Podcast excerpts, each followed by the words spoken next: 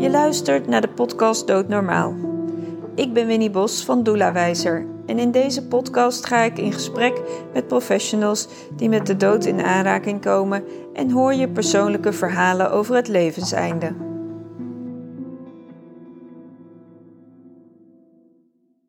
Ik zit vandaag aan tafel met Janine Chrisman.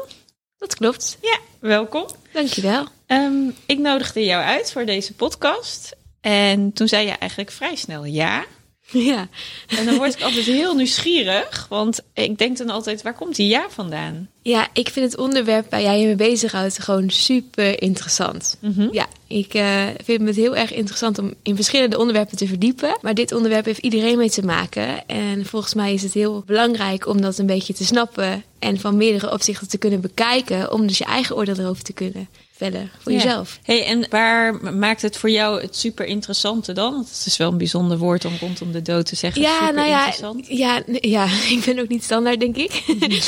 Wat ik namelijk in de afgelopen jaren heel veel heb gemerkt, is dat de mensen in mijn omgeving nog heel weinig met de dood in aanraking waren gekomen. En toen ging ik voor mezelf eens even nou ja, terug in de tijd. En toen dacht ik, hé, hey, ik heb dat eigenlijk meerdere keren meegemaakt. En dat is eigenlijk best bijzonder dus. Dat wist ik niet zo, was ik me niet bewust van. En dan meerdere keren meegemaakt, bedoel je dat er meerdere keren mensen in je directe omgeving zijn overleden? Ja, en ook dicht, best dichtbij. En dat dat, eh, nou ja, dus dat het niet voor iedereen gewoon was dus. En toen dacht ik, ja, ik kijk dus ook op een andere manier tegen de dood aan. Ik vind het ook iets moois hebben. Klinkt misschien heel dubbel, eh, maar ik vind het ook iets bijzonders hebben. En ja, dat maakt wel dat ik vaak anders ernaar kijk dan dat andere mensen doen. En daar hele mooie gesprekken uit ontstaan. Hey, en leg eens uit, anders kijken. Hoe kijk je er dan naar? Ja, met het idee van ik zou elk moment toch kunnen gaan. Dus ik probeer er vandaag wat van te maken. En iets uit, uit te halen waarvan ik denk, nou, ik sta achter mijn eigen keuzes. Ik heb mogen leren. Mocht het mij overkomen, dan heb ik nu mijn leven al geleefd wat ik graag wil. Dat is iets waar ik heel veel bij stilsta. Dat is wel Ja. bijzonder om dat nu te zeggen, want hoe oud Ja, ik word volgende week 31. Jeetje, dat Ja. je dat al op je 31ste kunt zeggen. Ja, en ik heb nog heel veel wensen hoor. Ik hoop niet dat ik ga natuurlijk. Maar ik heb al wel heel veel mooie stappen mogen zetten. En ik ben al wel heel blij en tevreden met wat ik al heb mogen doen. Ja. Hey, want eh, heeft dat te maken met hoe je op bent gegroeid? Of Misschien wel. ik ga even terug in de tijd. Toen ik vijf was, kreeg ik diabetes. En ik weet nog heel goed dat de dokter tegen mij zei, althans ik krijg niet tegen mij, maar tegen mijn moeder, ze kan waarschijnlijk niet alle beroepen doen. En in mij is dat, ja, dat is wel blijven hangen. Dat ik dacht, oké, waarom dan niet? en waarin ben ik dan anders? Dat gevoel had ik meteen, oké, dus ik ben dus anders. Ik zou mijn leven waarschijnlijk anders gaan leiden. Eh, maar ik had daar wel een soort van kalmte in. Dus ik was altijd wel heel kalm en ik iedereen zeg maar zei, oh wat sneu meisje. Dan zei ik nee, ik vond het helemaal niet erg. Ik was er niet mee bezig, ik moest gewoon daaraan voldoen. Ik moest mijn leven iets anders inrichten. Maar later, toen ik ouder werd, eh, toen liep ik in bepaalde dingen vast. Omdat ik het gewoon had, eigenlijk wel een beetje had weggestopt. Hmm. En wat is vastlopen dan voor jou? Ja, dingen wegdrukken, denk ik. Niet anders mogen zijn. Ehm, ja, wat is, dat is wel een goede vraag wat je stelt eigenlijk.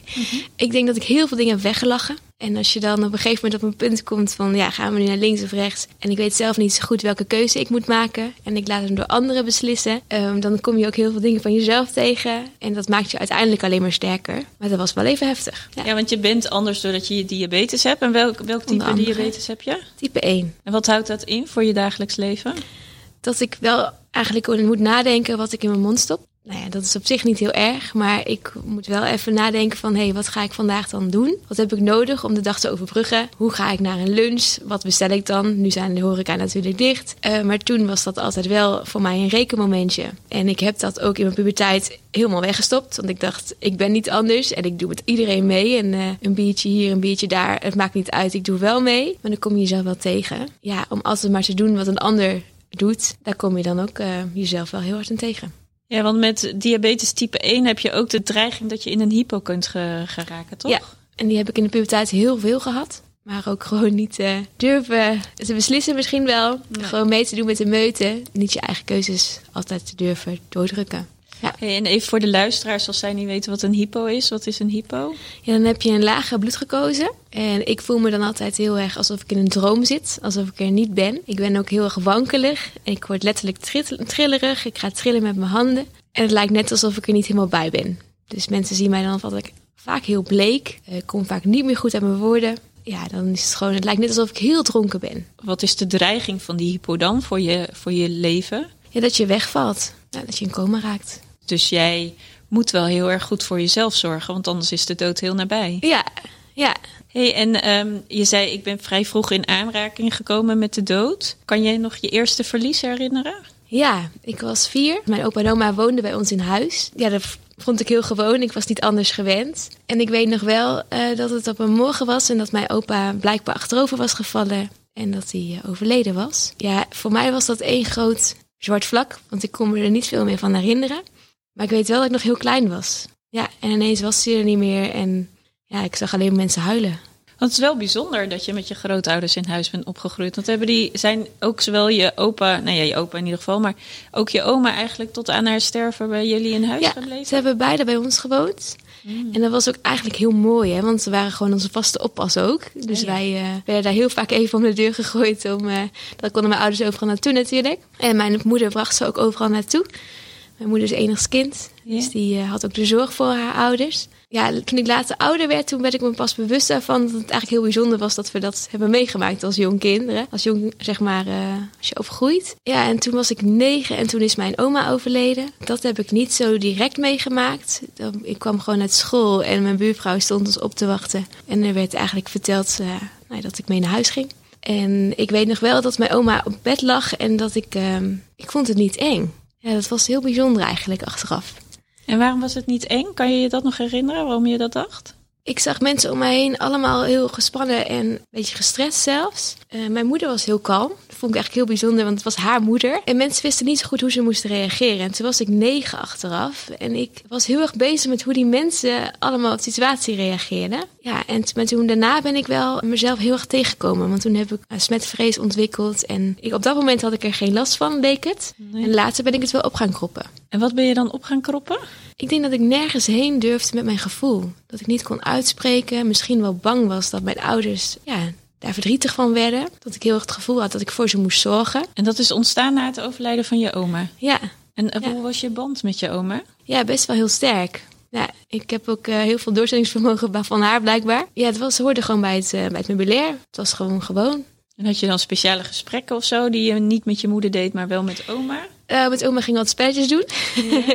dat deed ik eigenlijk nooit met mijn moeder. En wij gingen heel vaak dammen. En dan liet ze me ook altijd winnen. En onderaan de streep vond ik dat natuurlijk heel leuk. Maar aan de andere kant dacht ik ook...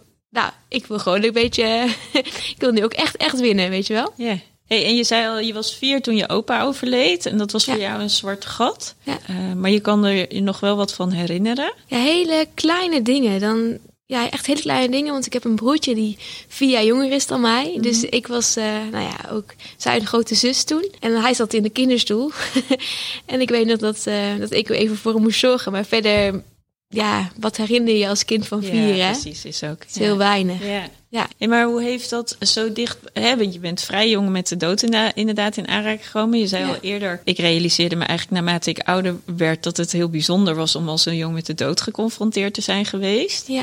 Waar merkte je dat aan? Nou, dat mensen eigenlijk eh, het moeilijk vonden om over de dood te praten. Eh, dat mensen die ziek werden in de omgeving, ook onder andere van mijn vriend, eh, dat ze dat, nou ja, het onderwerp werd eigenlijk heel vaak verzwegen. Of er werd even wat over verteld, maar het werd eigenlijk heel snel van tafel geveegd. En daar konden natuurlijk helemaal niks aan doen, want ja, ik vind het een heel onderwerp waar ik denk dat heel veel mensen, als je erover praat, dat het heel veel kan opluchten. Nou vind ik het ook altijd mooi om het, de verhaal achter de mensen te horen. Dus ik zou ook graag, ik wil heel graag weten hoe iemand zich voelt en wat er dan iemand omgaat. En, eh, maar heel veel mensen vinden het dus moeilijk en klappen dan dicht. En toen besefte ik mij, hé, hey, waarom ga ik dan anders om met dit soort dingen?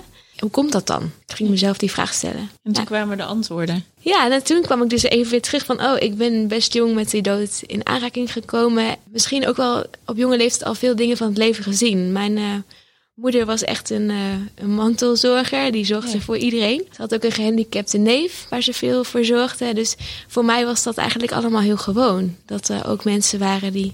Gehandicapt waren en overleden. En Hoe bijzonder is het dat jij je opa en oma oud hebt zien worden met misschien wel Ja. alle makken en nukken van dien. Hè? Eh, Ja. Tegenwoordig gaan natuurlijk onze eh, opa's en oma's eh, naar zorgcentra's Ja. en wonen of zelfstandig, maar niet tot nauwelijks meer gewoon bij hun kinderen in huis. Ik bedoel, dat doen we eigenlijk niet meer. Ik bedoel, er zijn Nee. uitzonderingen, maar dat gebeurt gewoon niet meer zoveel. nee, Dus dan zie je dat proces van je, je gaat hè, in je leven, word je ouder. En dat brengt ook wel wat nukken met zich mee. Of wat ongemak Of Ja. hè, misschien heb je wel hulpmiddelen nodig, geen idee. Om dat als kleinkind te zien, dat het leven dus vergankelijk is. Hè, en dat je Ja. dus iemand echt langzaamaan ja, ziet... Ja, dat klinkt een beetje raar, ziet afsterven. Ja, ja dat is ja, wel... het is wel wat er gebeurt volgens mij. En dat zien we natuurlijk veel niet meer. Want eh, Nee. dat zien we dan op momenten wel eens. Ja. Maar in principe niet dat je daar iedere dag mee geconfronteerd wordt als je daar heel dichtbij woont. Dan zie je dat pas. Ja, en op latere leeftijd kreeg ik ook pas... Ja, ik kreeg dingen te horen over mijn opa. En mijn opa die kon echt genieten van de hele kleine dingen in het leven. Hij had een boerderij, dus eh, nou ja, als hij dan eh, klaar was met zijn werk... kon hij enorm genieten eh, van gewoon lekker in de stoel zitten. Of niks hoeven. Eh, en dan kon hij dan ook tien keer zeggen. Dat vertelde mijn moeder later. En hij is dus ook echt zonder... Hij heeft heel weinig mankementen gekregen. En hij is zo achterover gevallen. Oh, echt letterlijk gewoon Ja. in het moment overleden. Ja, ja. En dat, toen ik dat hoorde, dacht ik, oh ja, je weet natuurlijk nooit zelf hoe je gaat. Maar ik vond het wel, het is voor de omgeving niet fijn. En ik gun het niemand natuurlijk hoor. Maar het is voor jezelf wel een heel mooi om op die manier te kunnen gaan. Dat je geen lijden hebt. Eh, en dat je eigenlijk wel je leven hebt kunnen leven. En heel erg hebt kunnen genieten van de kleine dingen. En daarbij stil hebt kunnen staan. Ja, want hij, is hij was altijd in beweging als je een boerderij hebt, eh, neem ik aan. eh. Ja, Want wat voor boerderij heeft hij altijd gehad? het was een hele kleine boerderij. Het was hard werken. En mijn moeder was enigszins kind. Dus die moest altijd helpen ook in de boerderij. Hadden ze dieren of wat, wat, wat? Ja, ik weet het niet precies helemaal, maar ze hadden een aantal koeien, wat ik begreep. Een eigen weilandje, ze tilden alles zelf. Was heel veel. eh, ze kwamen. die oude, ja, echt oude oud. van boeren ja. van vroeger. Ja, echt melkbussen. En eh, melk werd ook opgehaald. Karnemelk werd geloof ik ook opgehaald, wat ik zo begreep. Ja. Dus ehm, echt ouderwets. Ja. Ja. En je oma die was dus ineens overleden toen jij terugkwam van school? ja, ze was ziek. Oké. Ze was nou, ziek, niet echt heel lang ziek. Ze had eigenlijk gewoon een dikke griep, wat ik begreep. Maar dat is misschien wel bijzonder om te vertellen. Mijn moeder die wou boodschappen doen. Ja. En die was al bij mijn moeder langs geweest. Of bij haar moeder. Maar ze wou, zou gewoon even gaan. En mijn vader was op die dag ook thuis. Ja. En ehm, met dat ze de deur uitliep, dacht ze... Hm, ik moet toch nog even terug. En met dat ze terugging, zag ze dus mijn oma echt gewoon... Nou ja, niet meer kunnen ademen. Dat het niet goed ging, kortademig. Toen heeft ze per direct de ambulance gebeld. En eh, nou ja, was het heel snel natuurlijk. Maar achteraf is zij dus heel dankbaar voor het moment dat zij dus naar een gevoel heeft geluisterd. En wel terug is gelopen. Want Gewoon- anders had ze dat anders beleefd misschien. Ja. ja. Ja, maar ze is, eh, ze is gewoon haar ingeving gaan volgen door wat Ja. zij voelde dat wat ze moest doen. Dat is natuurlijk wel heel bijzonder, want je hebt Ja. sowieso natuurlijk als moeder en kind een, een band. ja. En ja, naar je gevoel luisteren, dat vinden we, dat vinden we, sommige mensen vinden dat lastig. Hè? Wat is dat naar je gevoel luisteren? Ja, dat kan mijn moeder wel heel goed. Ja, toch wel? Ja, die kan dat heel goed. Ja. Maar het is wel mooi dat zij eigenlijk dat gevoel heeft gevolgd. ja, Maar het was dus Ja.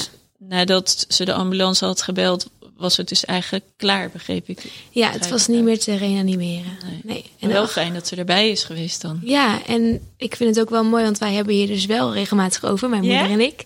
Ja, ook pas nu ik wat, nou ja, iets ouder. Ik ben nog niet heel oud, maar Nee. ik vind het wel mooi dat ze het nu met mij deelt. En dat ze dus ook op deze manier terug kan kijken van, oh gelukkig is ze niet in een rolstoel beland of heeft ze heel veel eh, moeten lijden in het laatste stadium. Heeft ze kunnen sterven op een plek waar ze ook graag woonde. En dat ze niet nog het laatste stukje ergens anders heeft moeten Nou blijven. ja, en ik ja. kan me, noemt je moeder dat dan ook? Dat ze ook daar is gestorven waar ze eigenlijk altijd heeft gewoond in de nabijheid van de mensen die, eh, die haar lief waren? ja, dat denk ik wel. Ja, dat denk ik wel. Want dat is natuurlijk ook heel bijzonder dat je gewoon echt in je huiselijke omgeving Ja. eh, daar ook gewoon je laatste adem uitblaast. En misschien is het wel leuk om te vertellen, of in ieder geval leuk, wat is leuk. Eh, mijn opa is namelijk gestorven, of die is geboren in het huis waar hij de hele leven heeft gewoond. En ook gestorven in het huis. Oh, wauw. die- ja, Jeetje, dus dat die, is wel heel bijzonder. ja, dat die heeft zijn hele veel, leven. nee, helemaal niet. Die heeft het hele leven lang heeft hij op dezelfde plek gewoond. Ja, Dus dat was ook zijn, echt zijn geboorteplek Ja. waar hij dus met zijn ouders heeft gewoond. eh. ja. oh, bijzonder. Ik weet niet hoeveel kinderen ze hadden, maar ze hadden aardig wat kinderen. Ja. En die zijn ook allemaal door het heel Nederland eh, toen ook eh, gaan wonen. En hij is blijven wonen. Dus, eh. Hey, en je zegt, je hebt het nog wel eens met je moeder over je oma. Waar, waar, Ja. waar hebben jullie het dan over? Nou, zij herkent zich wel in dingen van mij, bijvoorbeeld. Ja, nu achteraf, ze heeft me laatst verteld dat ze eigenlijk ook wel heel dankbaar was dat ze dus het niet de enorme zorg op zich had hoeven nemen. Dus dat ze eigenlijk ook zich wel daarin gesteund gevoeld heeft. Van ja, wat was er gebeurd als ze allebei heel ziek waren geworden? Ik was alleen. Had ik dat dan wel aangekund? Of nou ja, Hoe was dat dan gegaan? Dat is, dat is haar ouders niet overkomen dat ze heel Nee. ziek zijn geworden. Nee, dat is haar bespaard gebleven, zeg maar. Ja. Ja. Oh, dus ze ze- nu achteraf realiseert ze zich dingen dat het ook anders had kunnen Ja, verlopen. ja, absoluut. Ja. Ja. En zijn er ook nog andere dingen waar jullie het dan over hebben, als het dan toch zo'n open onderwerp is om over te praten? Ja, ik vind, het heel, ik vind het heel mooi om na te denken over tussen hier en het hiernamaals, zeg maar. Ja. Dat weet natuurlijk niemand, maar ja, ik ben wel zo open hierin dat ik wel geloof dat er meer is. Ja, wat is er dan meer volgens jou? Ja, ik weet niet hoe we terugkomen of of we gekomen, want dat weet niemand natuurlijk. Maar ik heb wel heel erg het- vaak het gevoel dat ik gesteund word. En je kunt dat niet verklaren. Ik, ik zeg ook altijd dat ik het, ik kan het niet uitleggen. Maar het voelt heel erg ehm, dat ik niet alleen ben. En door wie word je dan gesteund of ben je dan samen? Ja, ik heb wel het gevoel dat ik door eh, mijn opa en oma en wel meerdere mensen gesteund worden die overleden zijn. Ja.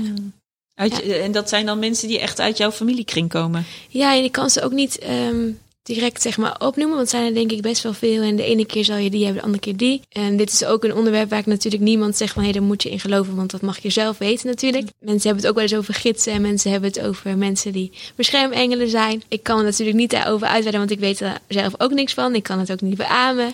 Nee, maar jij Maar voelt ik wat vind je het wel, ja, Ja, maar het voelt dat, dat ik niet alleen ben. Ja, Ja, ja, ja. ja. Jij mag jouw waarheid gewoon leven. Ja. En als dit voor jou waar Ja. is, dan is dat oké.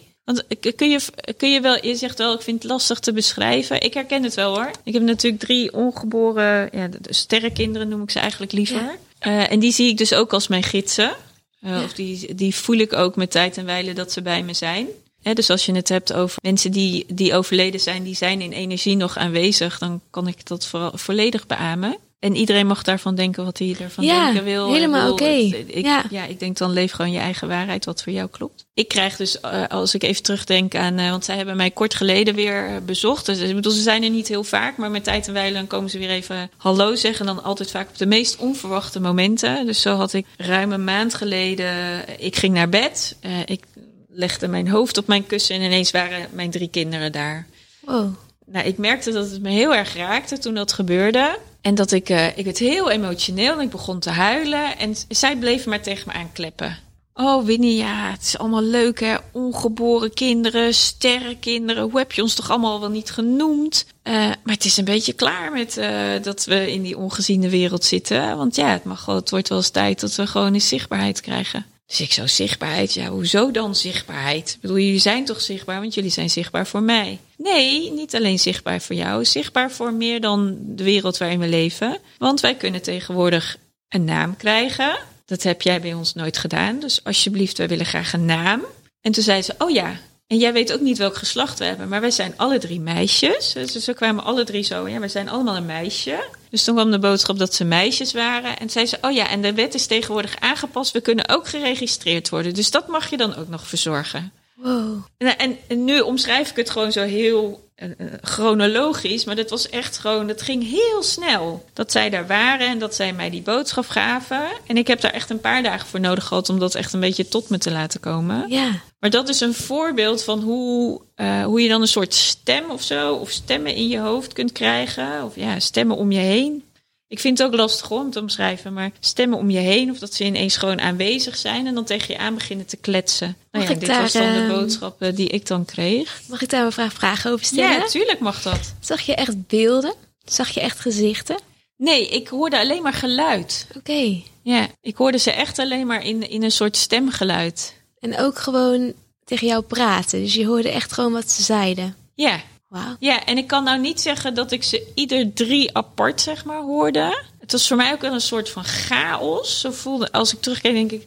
Maar het was ook omdat ik heel erg overweldigd was door de emotie die het in mij losmaakte. Want zij, zij hebben mij al wel vaker bezocht. En eh, iedere keer als ze mij dan eigenlijk bezoeken, en ik merk dat het eh, gebeurt nu weer, dan word ik eigenlijk geraakt. En dan word ik er, dan word ik er emotioneel van of zo. Omdat ik het bijzonder vind dat ik steeds nog die verbinding met ze heb. Want ik bedoel, het zijn geen kinderen geweest die op de wereld zijn gezet. Dus voor mensen bestaan ze niet, maar voor mij bestaan ze. Want ze hebben tijdelijk in mij geleefd. En daarmee zijn ze in energie in mij geweest. En ook al zijn ze hier vertrokken, ik geloof dus heel erg in die energie Ja. dat die er nog is. Eigenlijk wat jij ook zegt. Dus daarin denk ik, ja, zij zijn er gewoon nog steeds. En ondertussen zijn zij ook de reden waarom ik mijn werk nu doe, wa- wat ik Ja. doe. eh, hè, waarom ik mijn missie het levenseinde doodnormaal eh maken in Nederland wil brengen. Omdat ik gewoon heel erg geloof dat door die verbinding die ik met die kinderen heb, leef ik gewoon een voller leven. Ja. En veel meer in het hier en nu. Vond je het fijn dat ze even bij jou aanklopte?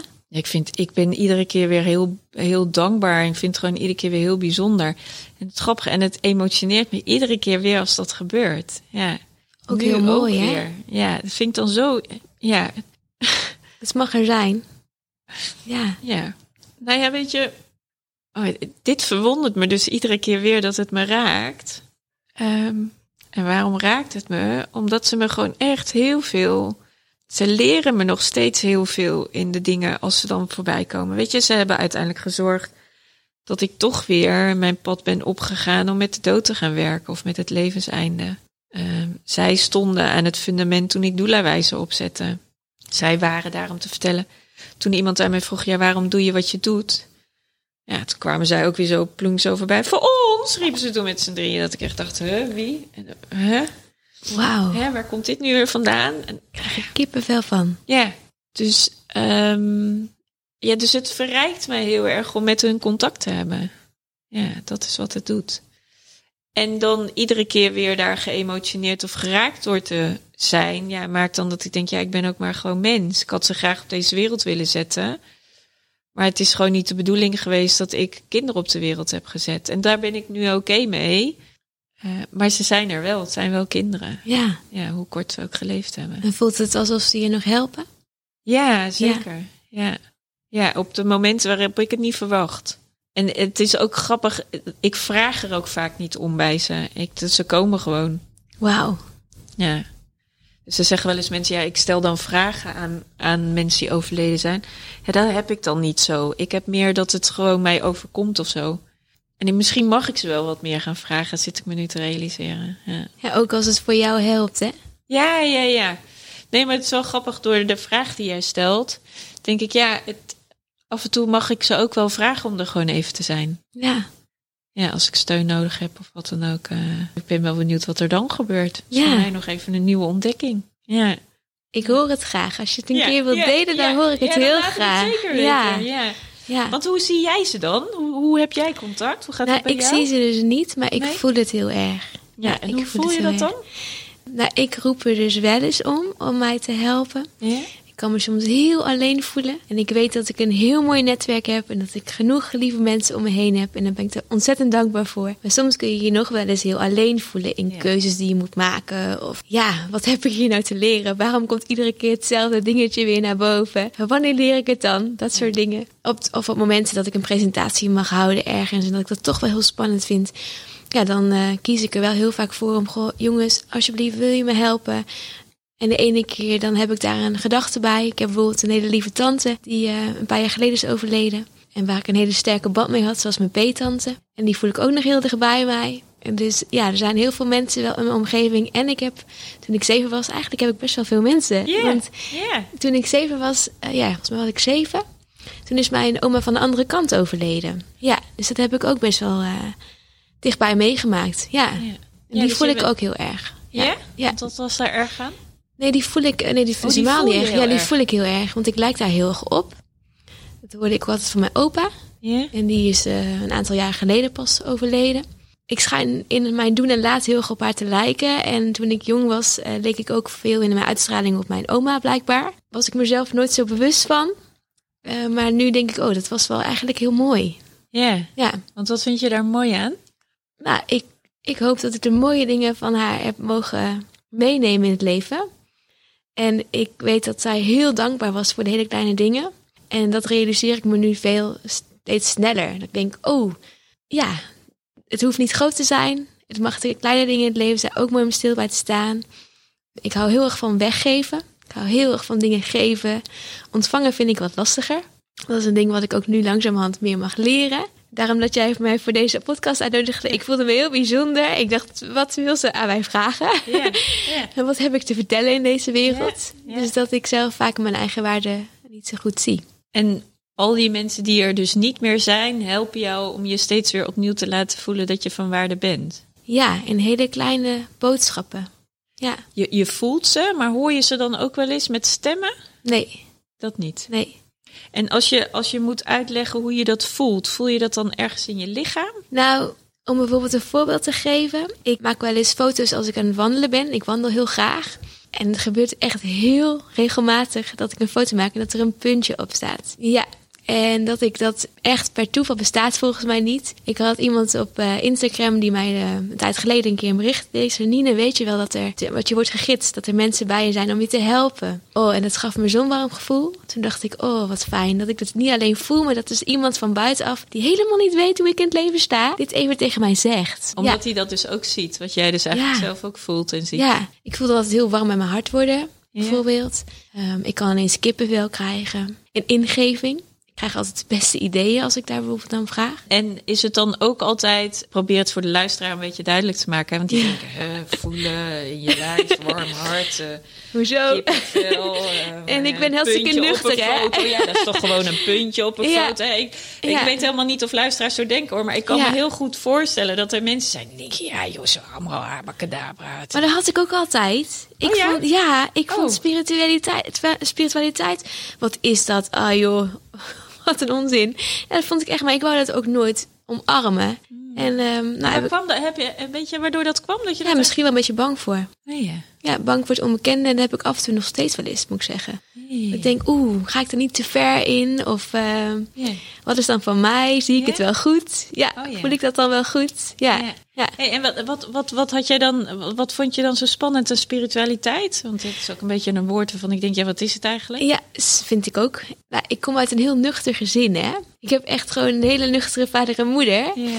En mijn moeder die kan nog iets meer mee in dit soort verhalen. Mijn vader denk ik ook wel, maar die praat daar minder over. Ja, dus misschien ook wel een beetje de angst van wat zal een ander daarvan vinden. Of straks vinden ze me raar. Dat soort dingen. Nou ja, je was toch al raar, want je Ja, hebt daarom. diabetes en je bent al anders. toch al Nou, dan anders. er ook nog wel bij. Ja. ja, ja, dat. Ja. Ja. Ja. dat klopt. En is dat ook, is spiritualiteit ook iets dan wat je niet van huis uit hebt meegekregen? Nee, niet in, ehm, in deze mate waarin ik het nu eigenlijk leer kennen. Ontdekken En, ben. en, en kan je dan het moment terughalen waarop jij ineens die verandering voelde dat je er wel voor open stond? Ik denk dat ik mijn hele leven al wel meer voor opensta dan dat ik denk. Ja. Wat ik zelf doorhad, laat ik zo zeggen, bewust van was. Ik ga iets best wel bijzonders delen. Een van de eerste keren dat ik dit deel, maar gang. ik eh, voel het vertrouwen. Ik heb namelijk toen ik 13 was, ik weet nog heel goed dat ik het best wel spannend vond om naar de middelbare school te gaan. En dat ik eh, altijd controles had voor de diabetes. En nou ja, ik had op een gegeven moment ook last van de schildklier. Ik kwam zeg maar met puberteit. Nou ja, dan ga je, je lichaam gaat veranderen. Je voelt je al onzeker. En nou ja, ook in dat zit in de familie. Dus diabetes zit in de familie. Maar ook een schildklierprobleem zat in de familie. Dus dat kreeg ik op mijn dertiende erbij. En toen had ik een controle. En toen zagen ze dus een puntje bij mij zitten. Ze zagen echt iets wat echt onderzocht moest worden. Ik weet niet meer wat ik precies zou krijgen, want het is van finaal langs me heen gegaan. Maar ik weet wel dat mijn moeder s'morgens, en ik weet niet of zij het fijn vindt dat ik dit deel, maar dat zij s'morgens loederswater op mijn keel smeerde. smeerde. En kind, het komt goed. Dat zei ze. Ik heb me daar ook helemaal niet bij nagedacht. Ik ben die dag ingegaan. Ik weet nog dat ik met een vriendin eigenlijk wel heel veel lol had die dag. En mijn moeder stond mij op te wachten bij school. We zouden samen naar het ziekenhuis gaan voor die punctie. Volgens mij was het zelfs een punctie. En die mensen konden niet meer vinden wat ze hadden gezien. En we hebben wel, nou, ik denk dat ik wel door vijf mensen om me heen echt gewoon onderzocht heb. En niemand snapte dat het kon. Dat het ineens verdwenen was. Ja, en toen dacht ik wel, nou, er is echt wel meer te zeemanade hoor. Dus ik ben echt wel geholpen. Zo'n gevoel Ja. had ik heel erg. Dus eigenlijk als tiener had je er al bewustzijn van dat er meer was dan alleen maar hier en nu. Ja, achteraf wel. Ja, ook nooit over gepraat. Eigenlijk in al die jaren eigenlijk nooit over gepraat. Want ja, wat zouden mensen daarvan vinden? En dat is toch gek? En eh, dat kan toch niet? Dat soort dingen. Maar ook in mijn bedrijf. Ik ben eh, drie jaar geleden gestart. En ik heb echt heel sterk het gevoel dat ik word geho- geholpen. Dat ik echt, Ja? eh, ja, En, en hoe, hoe dan? er komen hele mooie mensen op mijn pad. Echt, mijn netwerk is enorm verbreed. En ik had al een heel mooi netwerk van hele lieve mensen. Er zijn een heleboel mooie mensen bijgekomen. Als ik er even doorheen zit, dan vraag ik gewoon... Willen jullie me helpen? Moet ik linksaf of rechtsaf? Is dit de juiste keuze? En dan zie ik een heleboel veren op de weg. En dan zie ik en mensen kunnen zeggen, ja, er is gewoon een kip geplukt. Of nou ja. maar het ge- en dat soort dingen, ja, ik snap het ook. Hè, want daarvoor had ik ook zoiets van, dat kan Ja. gewoon niet. Maar er gebeuren zoveel bijzondere dingen. Dat Ja. ik dan denk, oh, ja, er wordt echt wel meer. En die bijzondere dingen zijn eigenlijk, als ik jou goed beluister, het zijn dingen die je eigenlijk bij- bijna niet kunt bevatten. Of mensen Nee. die op je pad komen van Nee. je denkt, ja, die ken ik helemaal niet. En die staat dan toch ineens Ja. voor je, of die belt je, Ja. of wat dan ook. Dat je dan echt denkt, ja, hoe ben jij dan in, in hemelsnaam bij mij terechtgekomen? Ja, dan heb ik bijvoorbeeld een vraagstuk waar ik tegenaan loop of iets waar ik aan mag gaan in het leven. We hebben allemaal wel eens van die struggles. Tuurlijk, ja. En dan kan ik helemaal in een rat zitten. En dan komt vervolgens komt iemand mij daar gewoon bij helpen. Of dan komt iemand op mijn pad die daar verstand van heeft. En dan, ja, dat is toch heel... Dan wordt het Dat kan toch niet gewoon? Ja, ja, ja. ja. Ja, en in het kader van, hè, je zei het al eerder, toeval bestaat niet. Nou, toeval bestaat wel. Ja, Want mensen komen niet voor niks aan je voorbij, eh, inderdaad. Ja. die komen echt om een boodschap te brengen of je verder te helpen. Hey, en ehm, kun je voorbeelden geven van eh, de, de toevalligheden die dan op je pad zijn gekomen? Dan krijgen de mensen een beetje een beeld bij nou, wat, ja. hoe het dan kan gebeuren. Iets meer dan een jaar terug zou ik met een eh con-collega zouden we een dag gaan sparren. En wij zochten eigenlijk nog een beetje een locatie. En we zouden eigenlijk of bij haar woonplaats of bij mijn woonplaats afspreken. En toen zeiden we, weet je, misschien kunnen we wel een keer bij Sietsomiet kijken. Ik was nog nooit bij Sietsomiet geweest. Ik wist helemaal niet van het bestaan. Ik wist helemaal niet hoe het werkte. En ik heb gezegd, oh leuk, gaan we doen. Dus morgens ben ik de trein ingestapt. En ik vind het sowieso al leuk om te reizen. Ik ga overal heel erg naartoe waar ik mensen niet ken. vind ik heel leuk. Dus ik kom daar en we hebben een hele leuke dag gehad. We hebben een hele groep vrouwen ontmoet. Nou ja, die ik nu mijn hele leven alweer, of heel jaar lang, gewoon weer zie. Ja. Bijna elke week. Nou, dit kan toch geen toeval zijn? Nee. Of dit heeft zo moeten zijn? En die mensen helpen mij ook weer op een ander vlakje allemaal weer verder. Ja, want die Ja. mensen die je daarmee ontmoet eh, binnen het Systemiet netwerk hier in Amersfoort is bewustzijn natuurlijk ook heel Ja. erg zo'n thema. Ja, En het lijkt wel of dat dan ook de mensen aantrekt die jij ook precies nodig hebt. eh, alsof ik, of dat op mijn pad was of zo. Dat ik Ja. dat mocht gaan omarmen. En dat ik dat stukje zachtheid in mezelf ook gewoon naar buiten mocht brengen. Ja, ik ben er heel dankbaar voor. Ja, Ja. kan ik me Ja. voorstellen. En heb je nog een ander voorbeeld? Want dit, dit zijn ineens heel veel mensen op je pad. Ja. Nou, wat een geschenk. Ja, Ja, want hoe, eh, dat zijn best aardig wat dames die op, op, op die momenten... eh, een jaar lang iedere dinsdag komen zij bij elkaar. Dat ze met elkaar aanhaken. ja. Heb je nog andere voorbeelden van... Maken we het wat concreter voor de luisteraar? Ja. Die zal wel denken, ja, hoe dan? Hoezo dan? Oh, dan moet ik echt even nadenken. Ik heb heel veel van dit soort kleine momentjes in mijn leven. Maar ik, het wordt op een gegeven moment ook dat je ze niet allemaal meer opschrijft of zo. Dat moet ik weer gaan doen eigenlijk. Ja. Dat was wel een goede geweest. Want ik heb heel veel van dit soort momentjes. Vaak wel, elke week wel iets. Ja, maar het, het is wel mooi hoe je het zegt. Het is voor jou zo gewoon Ja. dat het dus ook gewoon niet meer opvalt. Nou, ik ben, sta er wel, ben er wel bewust van hoor. Ja, dus ja, het is nee, wel, ja, eh, ja, ja, maar op, met opvallen bedoel ik eigenlijk meer dat het zo gewoon is dat deze dingen in jouw leven zijn geïntegreerd, als dat het jouw levensvorm is geworden. ja. Eh, waarin je wel steeds weer verwonderd en verrast kunt zijn als dingen dan weer gebeuren. ja. Eh, maar dat je eigenlijk eerder die verwondering en die verrassing dan zeg maar bij jezelf gewaar wordt. En ook wel omdat we dat natuurlijk niet met iedereen kunnen bespreken. Hè? Want dit soort dingen ben ik wel heel voorzichtig mee. Want Oh ja? ja, ja, durven niet bij iedereen te vertellen. Nee, echt niet. Nee. Daar, ehm, het is ook niet aan mij om daarover te vertellen met iemand, vind ik. En mocht dat gesprek ontstaan, dan vind ik het heel leuk om daarover mijn verhaal te kunnen delen. Maar ik ben wel heel bewust van dat ik niet mensen hoef te beïnvloeden daarmee of zo. Ja, ja. Oh, dus je Ja. kiest nu heel bewust je mensen uit waar je dit mee deelt. Ja. Dan deel je het nu wel aan een heel groot publiek. Ja, dat klopt. Dat is ook best wel spannend. Ja, dan wordt het nu ineens wereldwijd. eh, of Ja. wereldwijd, ja. Ja, nou dat mag. Ja.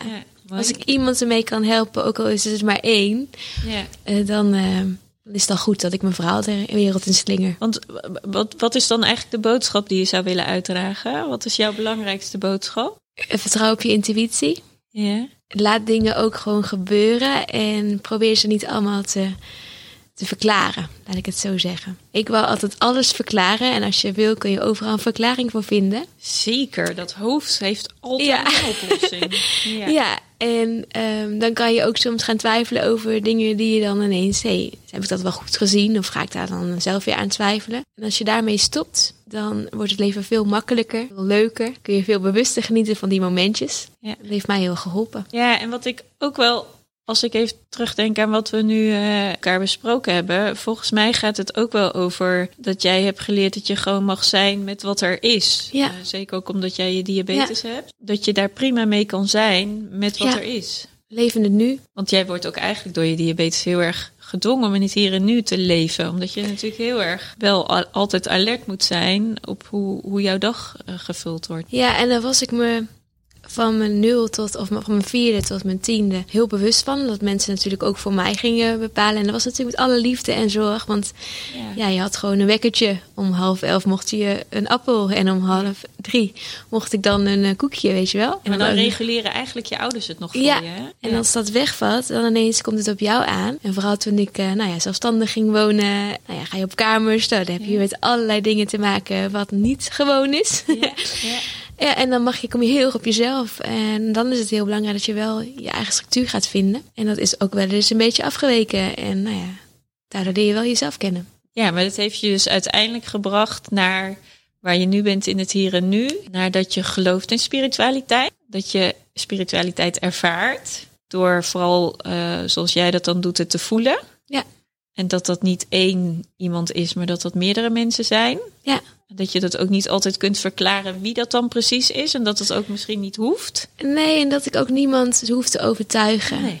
Dat is helemaal oké. En ehm, dat ik dat zo mag ervaren. Ik zeg altijd, jij bent oké, ik ben oké. Eh, jij mag denken wat jij wil, ik mag denken wat ik doe, wat ik wil. Ja, en als je dat helpt, is dat Ja, goed. laat de ander gewoon zijn wie die is. Ja, Ja, Ja. Laat elkaar in elkaars waarde. ja, En luister gewoon met een geïnteresseerd oor. En wie weet kan je er nog iets van opsteken. ja, en wees af en toe nieuwsgierig. Ja. Want als je het niet wil zien, dan is het er ook echt niet, hè? Nee, maar als je het wil zien, dan is het er ook echt wel. Ja, daarom. Die tegenstelling is er ja, ook. ja. absoluut. Ja. Ja. Je hebt geluisterd naar de podcast Doodnormaal. Mijn missie is om het levenseinde doodnormaal te maken. Iedere vrijdag staat er een nieuwe podcast voor je klaar.